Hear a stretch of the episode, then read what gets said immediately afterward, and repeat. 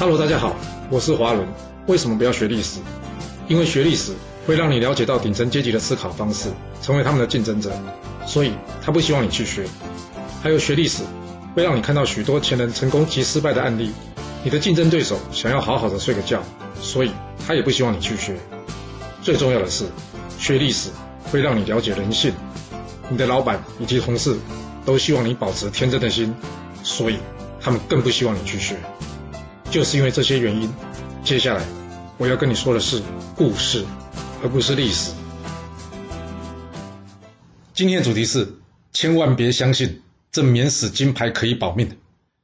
我们刚刚在春秋第一百零九节故事中讲到，这魏国国君呢，为了报答帮助他夺位这个浑良夫啊，结果怎么样？他一次答应给他三张免死令啊！这免死令呢，也就是后来大家常常说的免死金牌啦。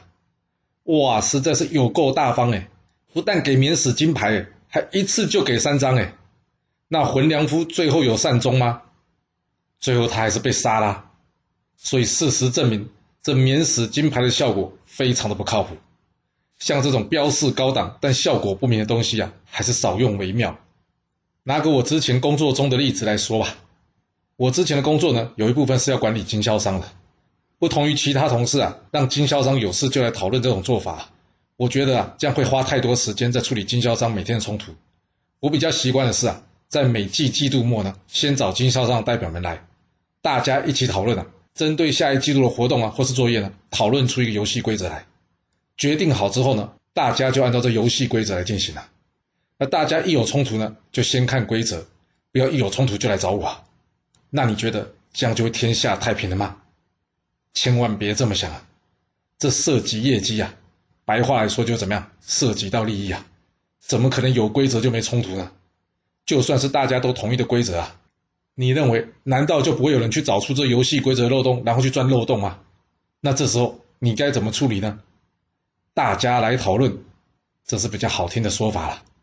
通常经销商来啊，都是来吵架的，而且一吵啊几天没完没了。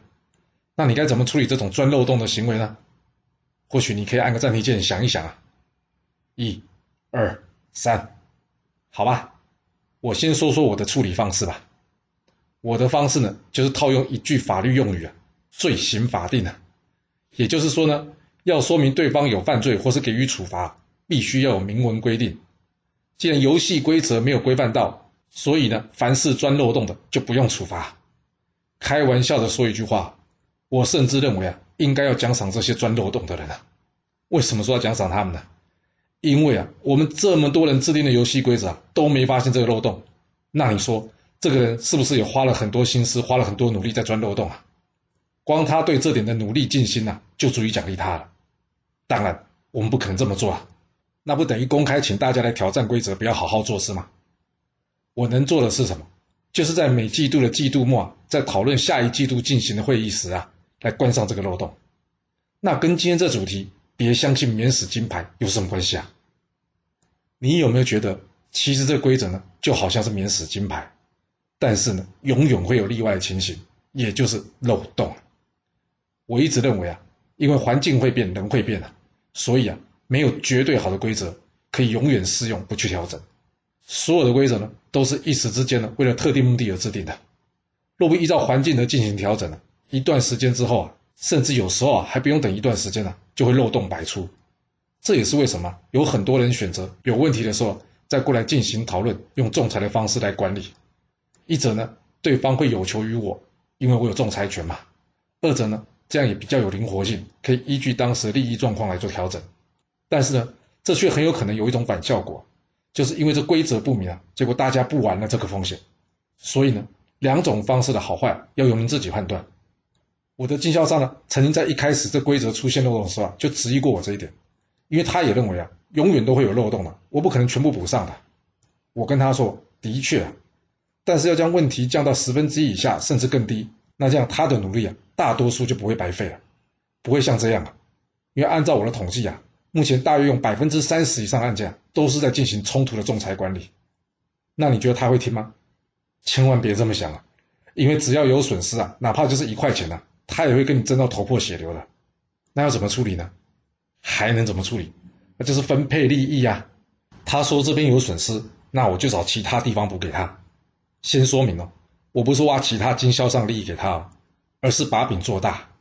因为我自己呢也会去跑一些大客户，我将这些客户订单的一部分呢分给他作为补偿，这样是不是一种方式呢？有的时候补得多，有的时候补得少，这是一种默契，而不是明文的规定。他不能跟我要，但是呢还是会有一定的期待利益。